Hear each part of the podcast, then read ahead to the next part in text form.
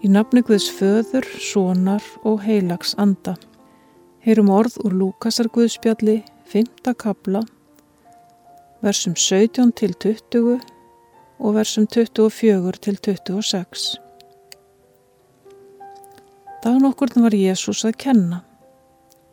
Þar sátu farisegar og lögmólskennendur, komnir úr hverju þorpi í Galilegu og Júteu og frá Jérúsalem og kraftur drottins var með honum til að lækna. Komi þá menn með lama mann í rekju og reynda að bera hann inn og leggja hann fyrir framann Jésu.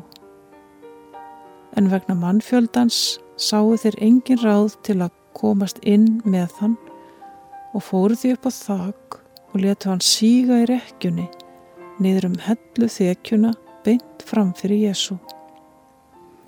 Og er Jésús á trúð þeirra, sagði hann, Maður, syndir þínar eru þér fyrirgefnar. Og nú talar hann við lamamannin.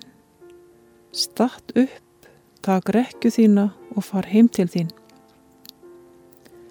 Jafn skjótt stóð maðurinn upp frammi fyrir þeim, tók það sem hann hafði leið á, fór heim til sín og lofaði Guð. En allir voru fyrðu losnir og lofiðu Guð.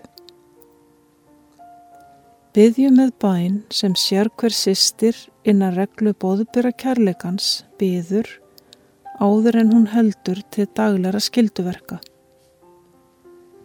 Góði Guð, þú mikli læknir, ég begi knémin fyrir þér, þar sem sér hver fullkomin gáfa kemur frá þér. Ég bygg þess að þú gerir hendur mínar hæfar, hugsanir mínar skýrar, hjarta mitt fullt umhyggju og góðvildar.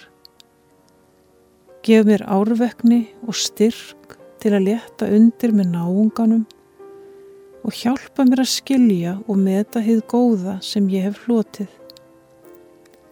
Nefn á brott úr hjarta mínu allt sem er falst og mótað eftir heiminum, svo ég með einlagri trú barnsins geti treyst á þig. Í Jésu nafni. Amen.